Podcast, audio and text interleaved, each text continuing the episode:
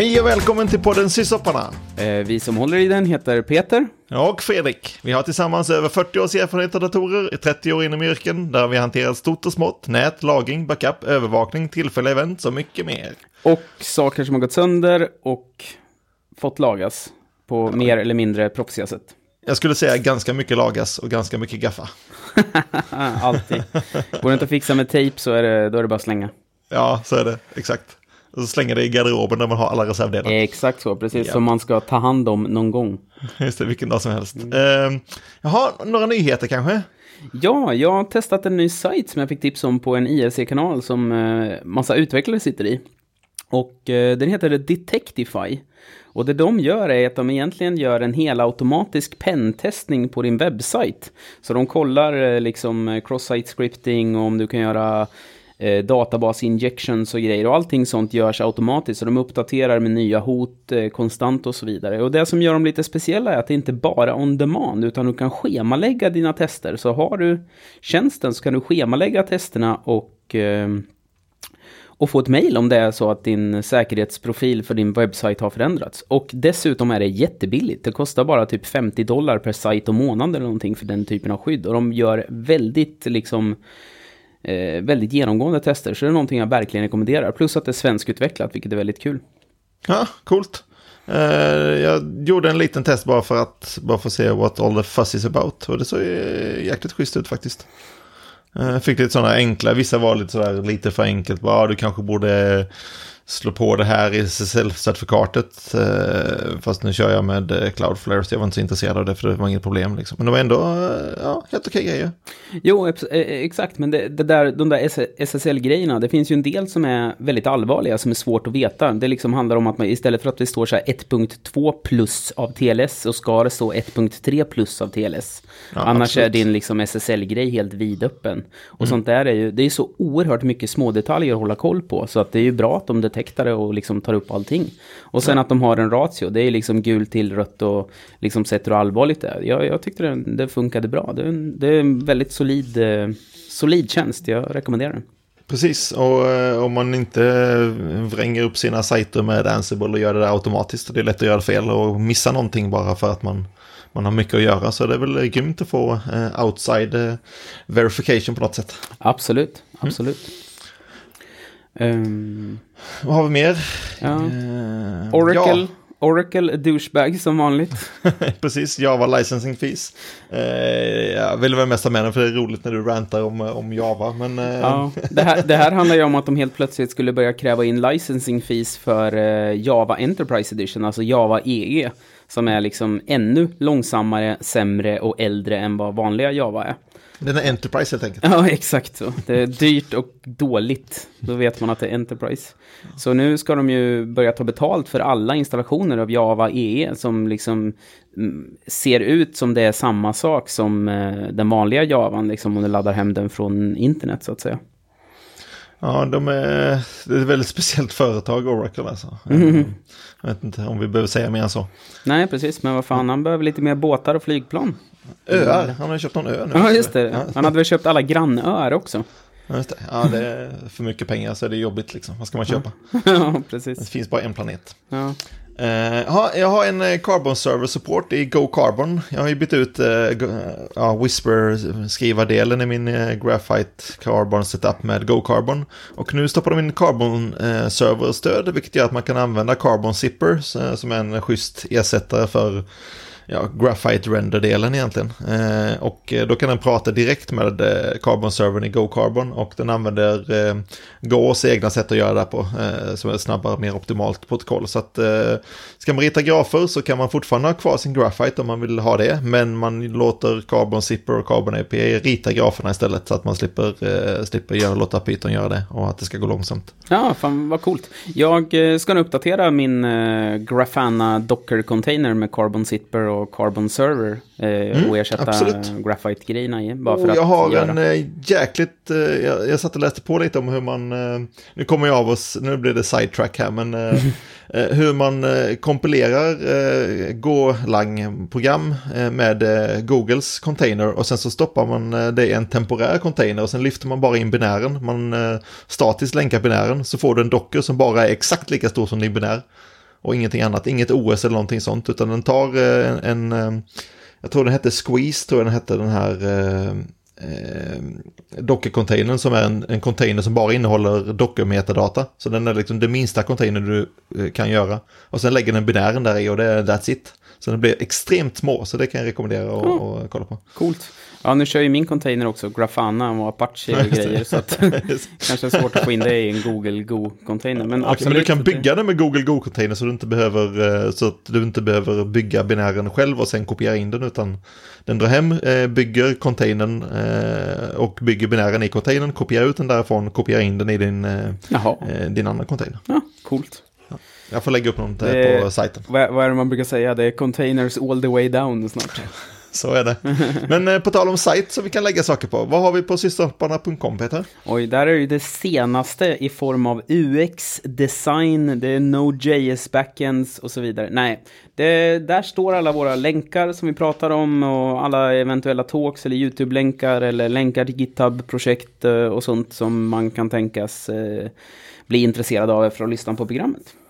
Och om det är någon UX-kille som trodde att det här var podden UX-arna så eh, får de gärna eh, gå in där och göra ett nytt designförslag åt oss. ja, eller inte, för jag vill inte ha några hamburger-menus, white space och fullscreen animationer. Tack jo. så mycket. right, jaha, dagens ämne då. Eh, tolka metrics information pratar vi om. Eh, ska, vi, ska vi köra på det? Ja, det tycker jag absolut. Mm. Uh, och det handlar ju om att uh, ofta, man, nu börjar man ju samla väldigt mycket metrics, väldigt mycket data hela tiden och så vidare. Man har automatisk testning, det är performance-mätningar och grejer. Men hur tolkar man den här datan man får ut? Vad är det egentligen man vill veta? Vad är det som är uh, målet med det, så att säga? Och, och hur bra är tillräckligt bra? Liksom? Ja, och hur ska man veta vad man faktiskt ska behöva övervaka? Liksom? Det kan vara svårt att veta var man ska börja. Så att eh, börja med mycket och sen eh, gräv dig neråt. Liksom.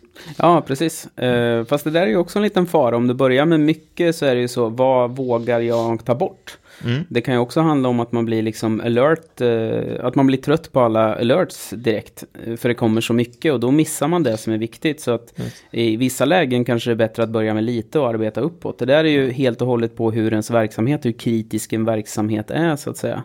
Men det är väldigt, väldigt viktigt att våga ta bort alerts och ändra thresholds och, och sänka ambitionsnivån lite grann. Det kanske är så att eh, 99,999 eh, inte är lämpligt för den här sajten för att det kommer vara, göra att kostnaden blir för hög. Liksom, för att den är inte så viktig, just ja, den Det är lite det här man kan drabbas av i Singa-sjukan och, och, få för mycket varningar om allt, allt, allt. Exakt, exakt så.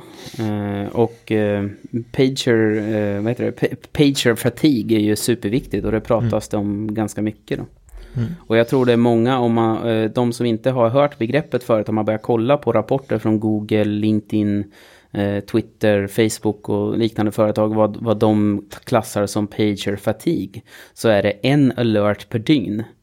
Eh, det är liksom maxnivån och det är nog många som skulle bli helt chockade. Bara, Va? Jag har aldrig haft så lite liksom. Nej, precis. Så, det är lätt att ja. övervaka för mycket. Liksom. Ja, ja, visst, absolut. Eh, och jag har jobbat jättemycket på det. Jag drog ner och trimmade saker på eh, ett av mina eh, en av mina tjänster där jag jobbade och sänkte alerts från flera om dagen till mindre än en per vecka för att det var helt enkelt för tajt liksom. Mm. Ja, det, ibland så är det viktigt att fundera över vad fasen håller på med egentligen. Jagar man allting eller liksom, har man tröttnat helt på på datan. Eh, ja, som precis. Kommer, liksom, och framförallt, inte, är det, inte ger något. framförallt är det så, om man får för mycket alert så är det väldigt lätt att missa de som är viktiga. Det har hänt mig några gånger när man har haft lite större fel. Och då är det liksom massor alert som saker som egentligen inte är så relevanta. Och mitt i den här liksom strömmen av information kommer det något som är väldigt allvarligt, som är oerhört lätt att missa. En databasserver, eh, databasserver som helt bara skjuter sig i huvudet och man märker det inte. Liksom. Mm. Ja, det är jättelätt hänt. Men då kommer man in på det här också, eh, vad, vad, man ska leta efter, vad som är orsak och vad som är symptomen. Liksom. Ja. Eh, Det är, det är en väldigt intressant fråga var man ska börja för någonstans. Mm. Jag brukar alltid använda en bottom-up eller top-down approach beroende på vad det är jag letar efter så att säga. Om det är så att en webbserver som eh, har problem på något sätt, då kommer jag använda så kallad, det jag brukar kalla bottom-up. Och det är att jag kollar liksom, om man, om man tittar på ett vanligt datorchassi så är det nerifrån och upp egentligen. Och det är liksom först nätverket, vad händer där? Och sen hur det kommer in på sydbryggan. Och sen när det kommer in i CPUn. Och sen minnen och sen eh, om det är någon IO-grejer, alltså disk-IO. Och den ordningen brukar jag felsöka saker i. Först på själva nätverket och sen upp närmare och närmare CPUn. Medan om det är en applikation som gör mycket beräkningar och sånt så brukar jag arbeta från CPU-utility. Vad gör CPUn? Liksom, var lägger den mest tid? Är det i interrupts, det i context switching eller i ren rå databeräkning? Liksom? Och sen arbeta mig ut därifrån till jag kommer till nätverk och IO och sådana saker. Det är väldigt intressant. Eh, vi har ju kommit fram till på jobbet att allt är ju på något sätt ett nätverksfel. Liksom. För att man har all storage på nätverket och all computing och ja, ja. Men äh, skämt åsido. Äh, jag tänker mig att äh, ofta när jag loggar in på en burk så kollar jag bara DMS och ser finns det något tydligt på vad det är. Sen kolla, äh, oftast är det topp.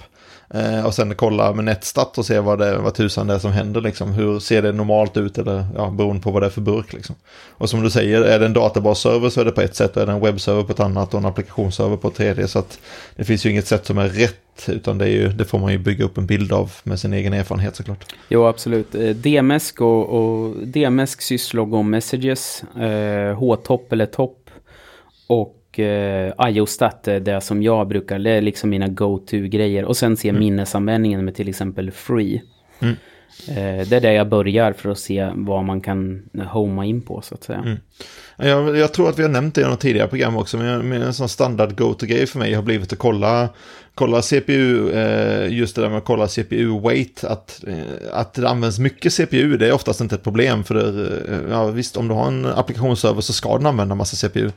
Så att frågan är då, eh, spenderar den tid med att göra det i, i, i user eller system eller är det, är det faktiskt weight på att den väntar egentligen på att storage är långsamt för att man kör NFS eller en vanlig disk eller vad det nu kan vara för något. Den försöker skriva för mycket och där kan man se att oj, vänta lite här nu. Det kanske är storage som är trasigt, det är inte hög CPU-last för att den jobbar utan för att det, något är fel någon annanstans. Liksom. Jo, absolut. Och där har man ju det gamla klassiska uptime-kommandot för att se om loaden är hög. Liksom. För framförallt är det ju så, eh, om loaden är högre än antal cores eller antal CPU du har, då börjar det vara någonting. För då är det ju liksom processer som får stå och vänta helt konstant liksom. Och då är det ju, då är ju IO är ju nästan nummer ett man kollar varje gång, oberoende vad det är för, för liksom problem det kan vara liksom. Mm. Ja, Jag brukar köra free och kolla, finns det, är minnet upptaget av eh, att det används eller finns det massa cache så att det ser ut som att man har tagit minne kvar men det är, egentligen så är det bara cacheat så man behöver inte göra någonting åt det. Mm. Jag, jag har ju ställ, jag ställer in alla mina servrar så att de har swappiness 0. Så att de swappar aldrig ut saker bara för att, för att det är en skön grej att göra. Eh, och sen har jag övervakning på, så i princip om swappen, swap-användningen går över noll, då larmar jag. För då vet jag att det är någonting som inte funkar som det ska. Mm. Eh, dock så gäller det inte för om man använder till exempel eh, vissa Java-program som Apache Spark till exempel. Apache Spark kommer bara gobbla åt sig allt minne den kan få tag och sen kommer saker bli utswappad för att det finns inget minne kvar. Liksom. Men det är Nej, inte man då, behöver det liksom. Ja, Ja, då är det nödvändigtvis inte ett fel i, i applikation eller programvaror. Nej, det är bara this behavior is by design och så får man göra ett undantag för det. Liksom. Exakt så. Japp. Exakt så. Men det, det väldigt kommer ju alltid tillbaka till hur ser ditt normalläge ut? Det är Mm. ju väldigt viktigt att veta vad normalläget är. För att kunna veta när det är trasigt. Då. Ja, det är väl därför, jag menar, om vi har pratat om övervakning och grafer och sådant i tidigare program så är det ju där man kan börja se hur, hur brukar det se ut med CPU och IO och allting sånt på den här burken och, och vad det är, eh, vad det är onormalt. Liksom. Då kan man ju titta per applikationsserver eller vilken typ av burk det är. Liksom. Ja, exakt. Det, det är ju Vilken jätteviktigt. Ja. Det är jätteviktigt liksom. För att det är dumt att gå in som någon sorts Sherlock Holmes och inte veta någonting när datan finns där liksom. Precis, precis. Um, det, ehm, vad tänkte jag på? Jo, eh, och sen finns det ju massor av sådana bra PM-varor som är standard i Linux. Liksom. Du har massa olika varianter av topp för, eh, det är, finns en topp för nät och IO-topp för, för eh, disk usage och så vidare. Och det kan vara bra att hålla lite koll på vad som finns egentligen i form av performance-grejer. Även den gamla klassiska applikationen som SAR som samlar data om ditt system. Liksom.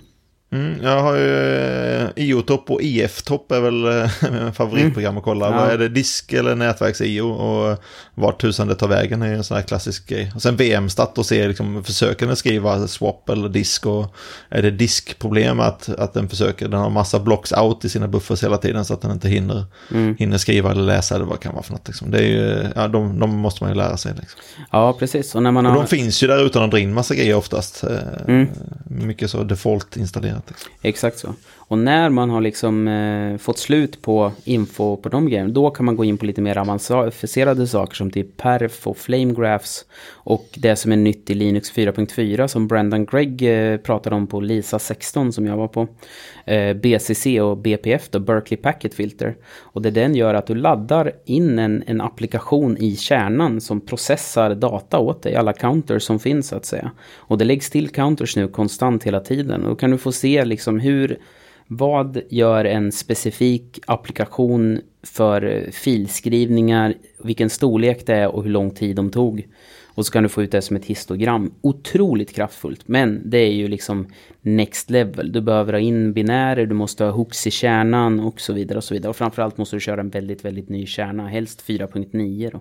Mm, ja, bara det kan ju vara en utmaning när man kör, eh, man har en infrastruktur som inte är ny utan man har haft den ett tag. Ja, Så ligger man och, och kör backburner på eh, din, eh, distributioner som, de är supportade men man uppgraderar inte bara för att det är kul liksom utan. Nej. Men då har man å andra sidan ett skäl att göra det och, och eh, faktiskt se att den här 2.6-kärnan kanske, det kanske har kommit något nytt sedan dess. Liksom. Ja, exakt. Och de toolsen som finns nu i 4.9, de är helt otroligt kraftfulla. Mm. Ja, jag blev väldigt eh, nyfiken på att kolla mer på eh, hela eh, BCC, BPF för att kolla mm, nära där. Vi har ju mycket Java-appar och sånt och kunna se Mm. vad fasen det är som faktiskt gör saker och inte bara ha en blackbox att titta in i. Liksom. Ja, precis. Det, det är guld. Och kör ni Java 8 eller senare så startar de med så att den inte slänger bort sin frame pointer. För då kan du automatiskt göra flame graphs och få ut liksom vad alla anrop och allting heter från början. För Mm, innan man gött. kunde göra det så får man bara ut symbolerna i hex och det ger inte så mycket. Nej, då det måste är man- sjukt jobbigt att leta. med. Ja, då måste man köra ytterligare ett program för att liksom mappa eh, det och så vidare. Men från Java 8 och framåt så finns det en parameter och det är bara att slänga på alla Java-appar när man startar dem. Så slänger den bara inte bort framepointen. Mm. Det låter som en eh, rätt bra felsökningstips måste jag säga. Oh ja, oh ja. och det, ko- det kostar liksom ingenting i prestanda att tala om liksom. Mm. Inte om man tittar på hur nyttigt det är. Nej, precis just att felsöka den där corner-casen så låter det väldigt intressant. Exakt, exakt. Så det kan vara bra att ha som grej att börja bara slänga på det liksom. Mm. Men om vi säger, om vi tar en webbserver liksom och den, eh, ja, vi ser att den klarar typ 1000 requests per sekund. Eh, vad, behöver man, vad ska vi börja på att titta liksom? Vi loggar in på burken, vi ser att ja, men, eh, disk ser bra ut, det är inte så, CPUn ser rätt okej ut också faktiskt. Den går inte på knäna CPU och minnesmässigt. Liksom. Vad, det borde klara fler, vi vet att vi har kört massa, massa IO på den, men varför, varför är den långsam liksom? Vad ska Ja. jag gå vidare då? Det första jag personligen kollar på i ett sånt läge där allt ser bra ut men den, den, eh, det går dåligt. Då skulle jag börja kolla på hur många öppna filer det är, alltså file handles. I och med att det default i Linux har varit 1000 per eh, process hur länge som helst. Så är det ju väldigt vanligt att det är fel. För 1000 file handles idag är ingenting. Men liksom 93 när defaulten satts så var det liksom... Då vill man spara minne på alla sätt. Liksom. Exakt, så att där har du ju det första problemet att det är för få file handles. Ehm, och det, det är nästan det första jag brukar kolla för uh, någonting som ser bra ut men ändå har problem liksom. Mm. Och det enkla, jag tänker det är Netstat och bara kolla vad det är som händer eller tänker något annat. Eh, ja, Netstat, eh, kolla hur många connections den är, men även, eh, vad heter den, eh, F, eh, L, LS, LSOF, eh, den som listar eh, open files helt enkelt. Och då kan man ju se per process hur många filer varje process har, liksom. Pipa den till lite sån sort och, och Så åt Unique och Grep. Exakt så åt. Unique, ja. Exakt till och med. För att få liksom hur många filer varje process är öppen. Och där kan man se ganska mycket oftast då. Mm. Ehm, och eh, om, om det inte är det, då börjar man komma över på OS-inställningar. Och då är det ju liksom eh, sys-CTL-grejer. Där kan det ju ha problem att eh, till exempel om en webbserver är lite för långsam. Och då kan man ju se i loggarna när man kör DMS eller messages att eh, den börjar skicka syn-cookies. Och Syncookies är en indikation på att eh, receive-bufferen blir full. Då börjar servern skicka Syncookies. Eh, så då kan man antingen behöva öka den bufferen för att webbapplikationen är för långsam. Eh, eller helt enkelt skala ut sina webbapplikationer för att de är för långsamma mot vilken trafik som kommer in. Liksom. Mm, det är alltid liksom kolla på vad som, eh, hur mycket som är established, den faktiskt pratar och sen då hur många som är i close och fin, eh, där den håller på att försöka stänga ner och, och för att göra plats för att skapa nya och finns det inte plats då så får man helt enkelt tweaka hur många portar den kan ha öppet och, och eh, ja, det kan ju vara minnesrelaterat också att TCP-sändminnet, du har en bruk nu som, eh, oj vi har en webbserver på 10 gigabit ja men då behöver vi större fönster för att om vi räknar med att den ska prata mest med andra snabba hoster så, eh, så kan vi dra upp fönsterstorlek vad den kan skicka så att den kan skicka mer data i varje paket och allting sånt. Ja, och då, då, får man börja tweaka med minnesinställningen och titta på hur det påverkar. Mm. Och sen får vi inte glömma handel när man har TCP-connections så är det ju så att när en TCP-connection är skickad så måste den spara liksom checksummor och sånt i minnet. För eh, tills det kommer tillbaka som säger att den är okej. Okay. Och ska du skicka sig 10 gigabit så är det ju ganska mycket data som, som bara de här liksom checksummor och eh, acke och syngrejerna eh, tar. Så det kan ju också kräva att du ökar upp dina TCP-minnesgrejer ganska mycket. Om Precis. det är så att dina, den klienten som du pratar med kanske sitter i, på andra sidan jorden. Liksom. Och då Exakt. har du ju ändå 100 millisekunder där du måste prata, spara de här 1 gigabiten eller 2 eller 3 eller 10. Liksom. Precis, och sen är det väl, det kanske beror på lite vad man har för setup i sitt nät nu. Nu har vi, säg att man har några webbfrontends, då är det ju, eh, då brukar jag sätta default att den har liksom eh, väldigt mycket TCP reuse och sånt. För jag vet att varje connection är inte så lång, det är en sida som ska laddas in och sånt. Men ska man ha någon publiktjänst där man ska ladda upp och ner saker så kanske det, det kanske behöver vara långsammare. Eller att man inriktar sig på att prata med eh, remote-ställen med mycket latens. Så att du måste ha, liksom, du måste hantera att eh, liksom, ha långa connections och långa timeouts. För att annars så kommer kunden att drabbas av det. Så då får man väl anpassa det per sajt men det kan vara bra att tänka över vad ska den här murken egentligen göra. Liksom. Samma sätt som en NFS-server eller du monterar något över NFS, det ska kopiera stora filer för backup eller något. Eh, då kan man ju faktiskt vinna prestanda på att öka bufferts och, och, MTU och sånt. Jo, precis. Och sen är det ju, det är ju så här jättevanligt att många av de här defaultsen som har varit i evigheter kommer ju från när datorer hade liksom 2 meg minne och det var jättemycket. Mm. För att, ja men ökar du här så kan du kräva 10 meg minne för din TCP-stack. Och nu är det liksom bara, mm, jag tror vi kommer vara okej faktiskt. Om vi slösar bort 10-20 meg minne på det här. precis. Um, och det är ju väldigt mycket sådana saker som man ser liksom att ja men det här är inte gjort för, alltså det, eh, defaulten är gjord för en väldigt liten dator liksom. Och nu är det liksom datorer som är tusen gånger mer utrymme åt alla håll liksom. Ja, men det är samma sätt som en, att din mobiltelefon idag är egentligen en, en stor webbklient. Alla appar använder eh, REST och grejer över HTTPS och det är bara web request i dina appar. Så alltså att eh, dina webbserver måste ju matcha att de ska kunna ta emot den här informationen och skicka iväg den och hålla den öppet. Så att jag misstänker att de har förmodligen eh, ökat minnet i de där eh, telefonerna också, hur mycket OS får för varje app för att det blir jäkligt många connections. Liksom. Ja, ja visst det. det blir det ju idag. Det är ju så man bygger protokollen. Liksom. Mm. Jag tycker det är väldigt coolt att våra telefoner nu, liksom, för två år sedan hade det varit en jävligt kompetent, hade det varit en väldigt kompetent laptop. Liksom. Mm. Ja, precis, uh, exakt. Och det, det, det konstigt är att det inte har kommit. Det var ju något förslag, det, jag kommer inte ihåg vilken tillverkare det var, om det var LG eller någonting som gjorde en laptop där du bara sköt in din telefon i, i skärmen.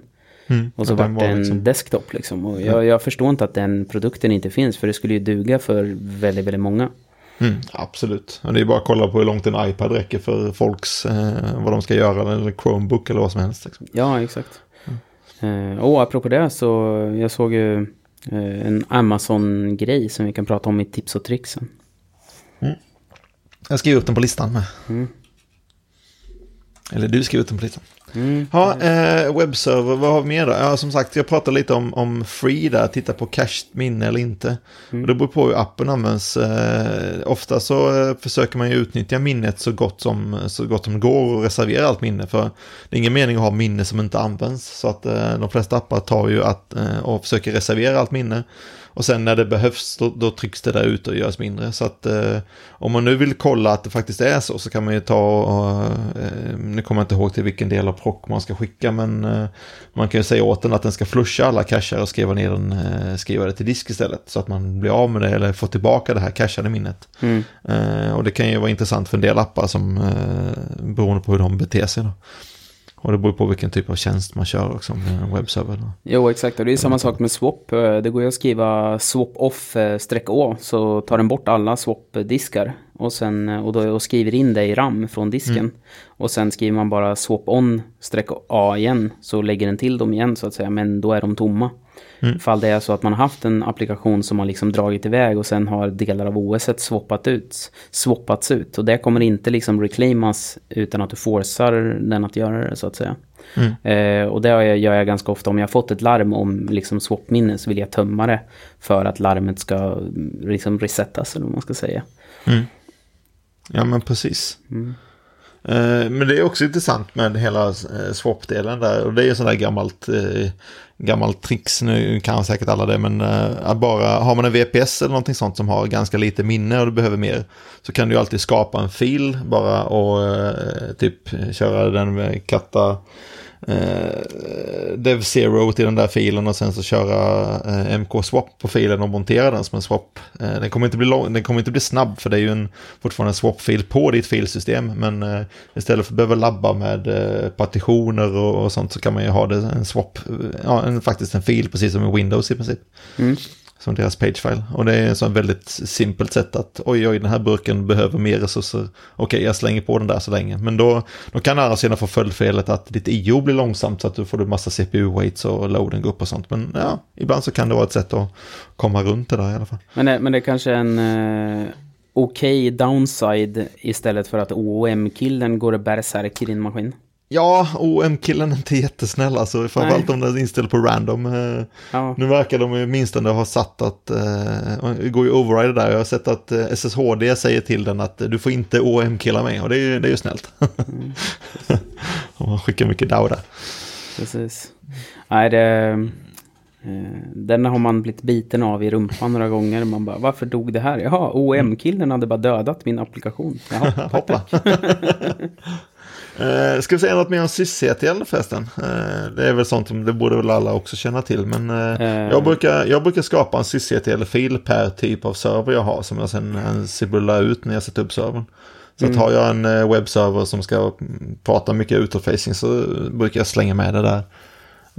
Och stoppa in det där automatiskt och så bara reloada. Mm. Jag, har, jag har det i min i CF Engine. Jag har en, en bas CTL som ligger på alla maskiner. Mm. Och den har liksom mycket minnen för eh, mycket minnen för TCP, den har eh, ganska stora buffrar för eh, connections och sådana saker. Eh, och sen, är sen lägger jag in liksom rader för one-off-maskiner om de ska mm. ha någonting annat. Men det är väldigt ovanligt att jag, gör, det är väldigt få maskiner som behöver egentligen något annat än mm. den feta som jag använder liksom. Ja, precis. För, jag har liksom ökat portar och sånt också, för det är liksom inga, inga användare på de burkarna, så det är bättre att apparna får ta portarna istället för att de ligger där och inte används. Ja, exakt. Ja, jag kör alltid liksom typ 1050 50 till 65 535. Mm. Det, det, finns ingen anledning att inte göra det så att säga. Med tanke på att den här portbindningen är också per source och destination IP. Så mm. även om du liksom har någonting på port 5000 så kan du fortfarande binda till den porten liksom. Mm. Om man tittar på sen Node-appar och sånt. Mm. Eh, det är väldigt ovanligt att du inte kan binda för att den är upptagen för en send request kan jag säga. Det har hänt mig några få gånger på riktigt busy server. Jag kan inte ens komma på att det har hänt faktiskt vad jag vet. Så det, eh, jo, vi hade, känns inte Vi hade en eh, demon som binde band på port 25 000. Eh, och då hade vi några tillfällen där de hade väldigt, väldigt mycket trafik. Vi pratade 30 000 requests i sekunden. Eh, och då hade vi ett tillfälle där 25 000 var använd som source port hela tiden. Så vi kunde inte mhm. starta mm. demonen på den maskinen. Mm, ja, det finns ju eh, bra kod och dålig kod. Mm, precis, det var, var, väl inte kanske världens lämpligaste att ha överlappet. Men av mm. historiska skäl var det också väldigt svårt att flytta den porten. Mm. För den var så här hårdkodad i massa gamla program och grejer. Så det var mm. inte så bra. Men som sagt, det är ju inte ett jättevanligt problem. Eh, har, har vi något mer att säga om det där? Eller har vi uttömt det här? Eh, ämnet, jag, jag, skulle vilja komma in till att när man benchmarkar, alltså många benchmarkar, det finns ju massor av benchmark-tools av alla, man kan bygga egna, man kan eh, använda för webb till exempel, som vi använder som exempel rakt igenom här, kan man använda AB eller eh, WaitHTTP, eh, JMeter, Uh, uh, vad heter den, Siege och så vidare. Det finns en uppsjö av benchmarks liksom. Men... Jag kör ju jag kör den här loader.io. Ja. också en sån grym molntjänst. Ja, precis.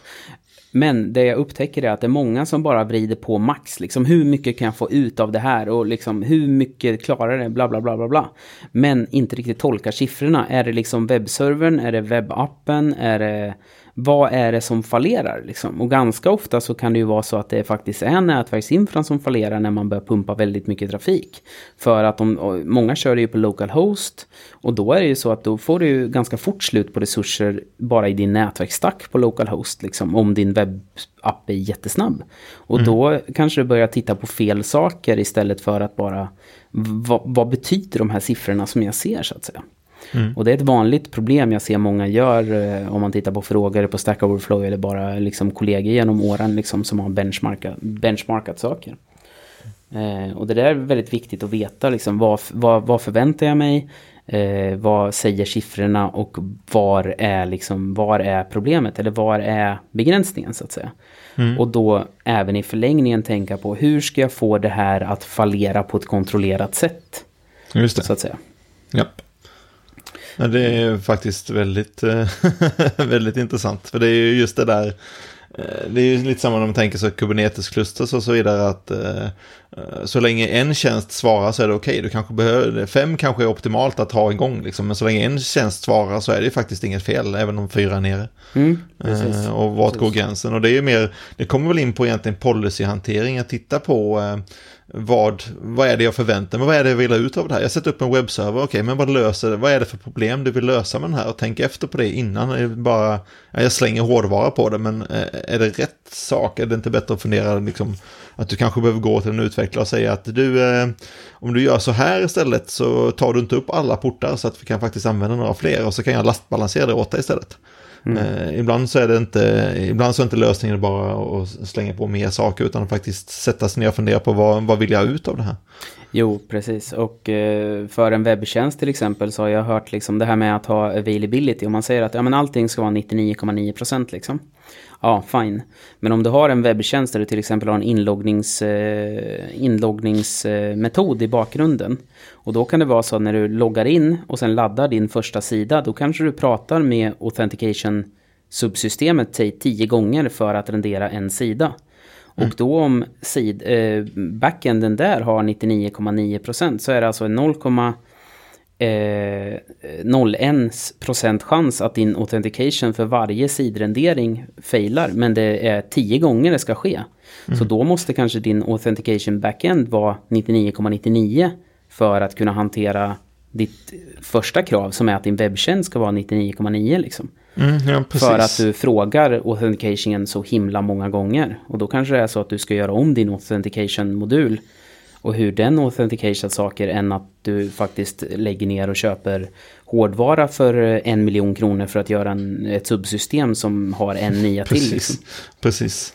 Ja, det är, men det är verkligen, då måste man faktiskt ha grafer eh, eller någon form av data metrics och titta på hur mycket Eh, vad har vi för siffror? Vad har vi att jämföra med? Du kan ju ha en magkänsla av att vi har 99,999 men mm. om du verkligen mäter, liksom, har du mer än 10 minuters nedtid om året så kanske det inte, det kanske är för mycket. Liksom.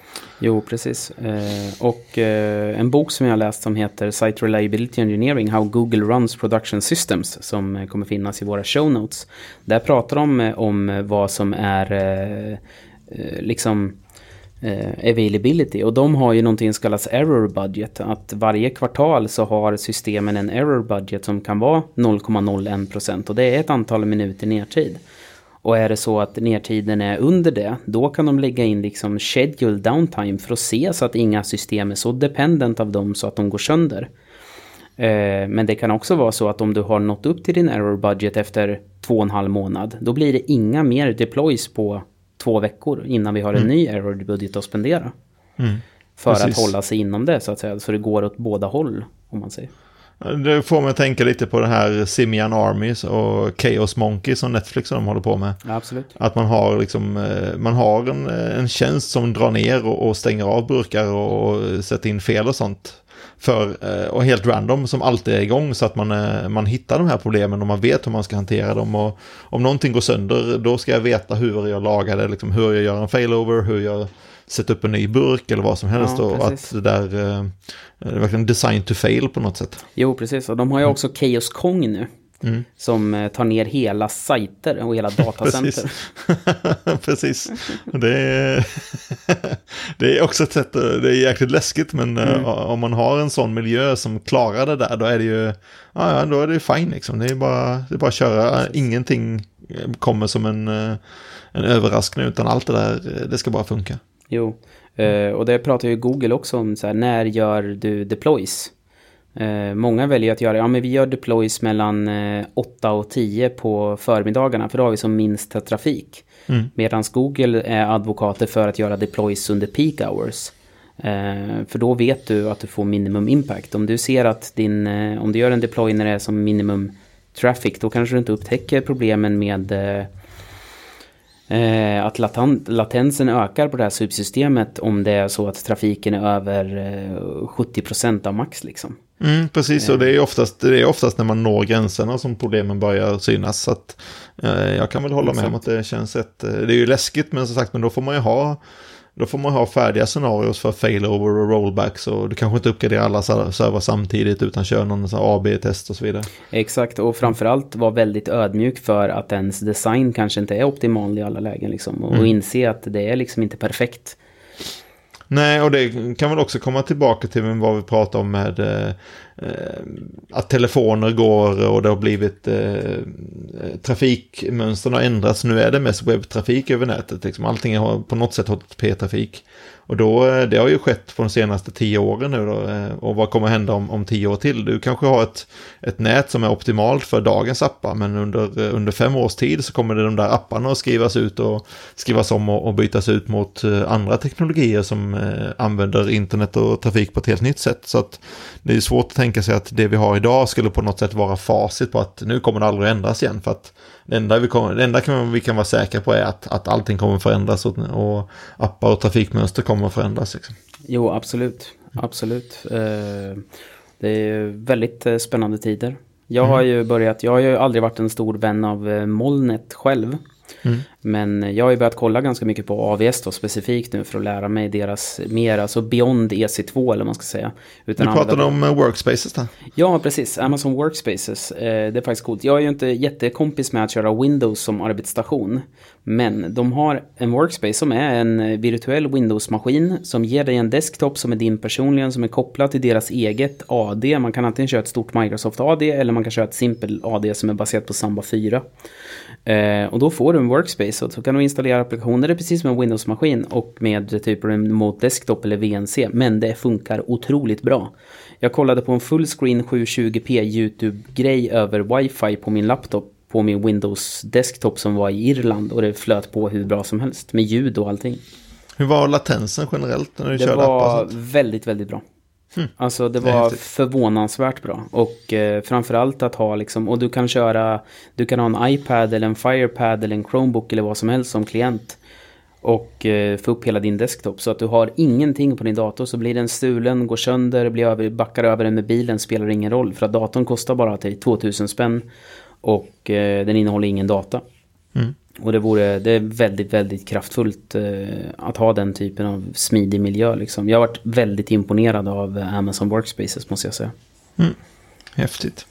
Och framförallt för den här bulkdatan för kontor och sådana saker. Där du bara kan, tjong, här har du din Windows 10-licens. Eh, du fick Office med, bla bla bla. Och det man gör som administratör är att man skriver förnamn, efternamn och e-mailadress. Så får de ett mail så här, din administratör har skapat en workspace till dig. Klicka här, skriv in den här koden, plopp så är det klart.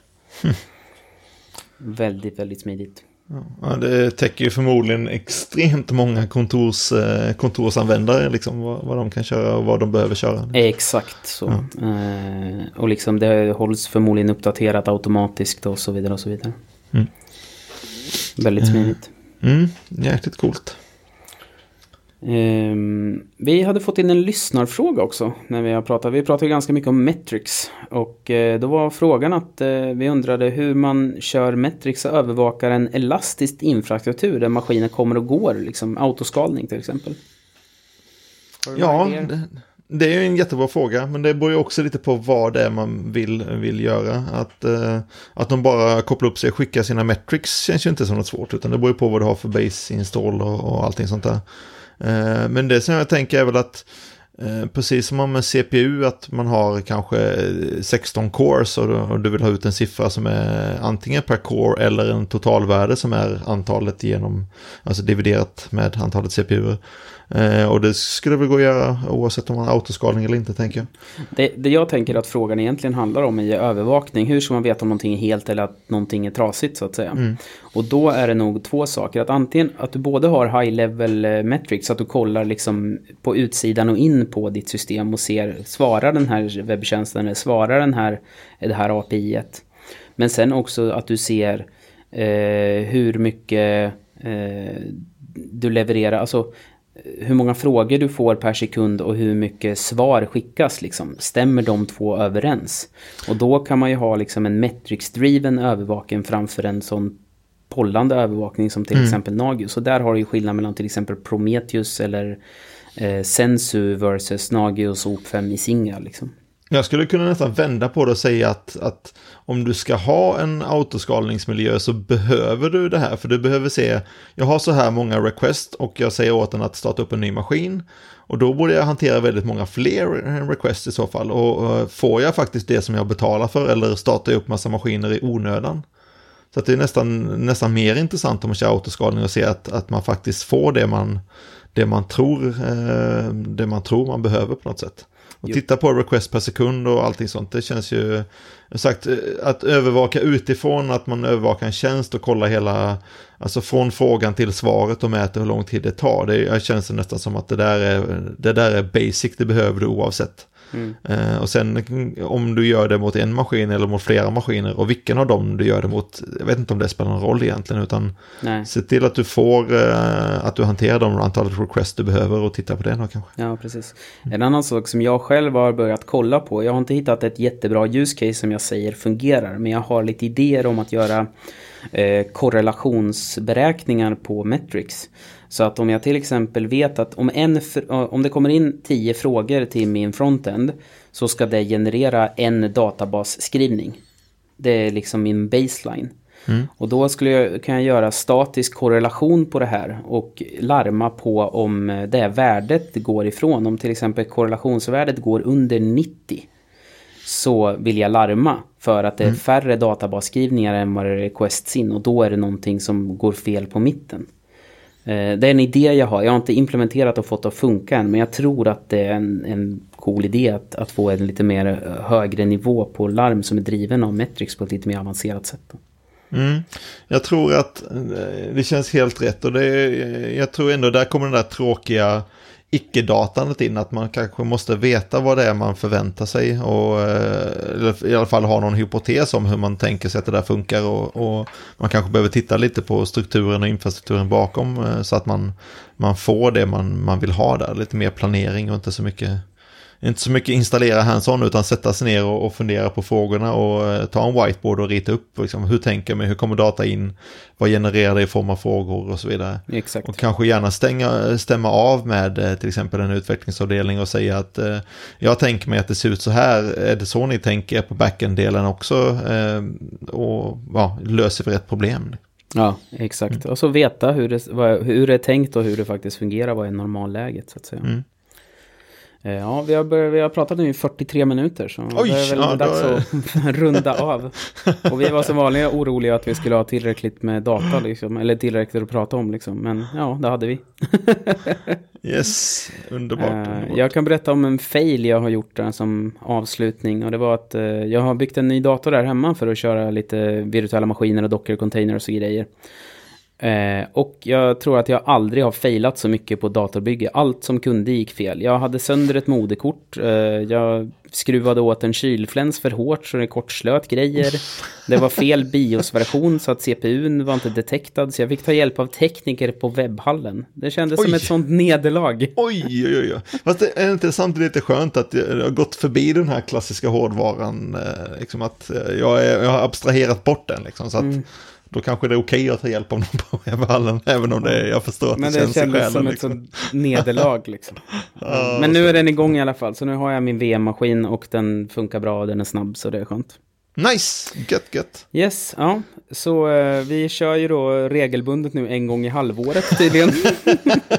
Ja, men visste att livet kunde komma emellan så mycket. ja, liksom. exakt. Ja, Men ja. eh, nu kommer i alla fall avsnitt sex. Ja precis. Så att, vi kan väl kalla det eh, säsong två, så har vi inte så stor press på oss för nästa år, så att säga. Eller om man säger 2017. Just det, ja, men det låter bra. Vi kanske ska sätta på metrics för det och larma på att det kommer för lite avsnitt i ja, ja, precis. Så Det kan vi låter vettigt. Ja. Mm. Coolt. Yes, ja, så- men eh, vi bygger någon slags hemsida, systerpodden.com. Vi lägger upp länkarna där så eh, ni kan förhoppningsvis hitta dem där. Exakt, så Mm. eh, tack för att ni har stått ut så här länge den här gången också och eh, på återhörande. Ja, gott nytt år!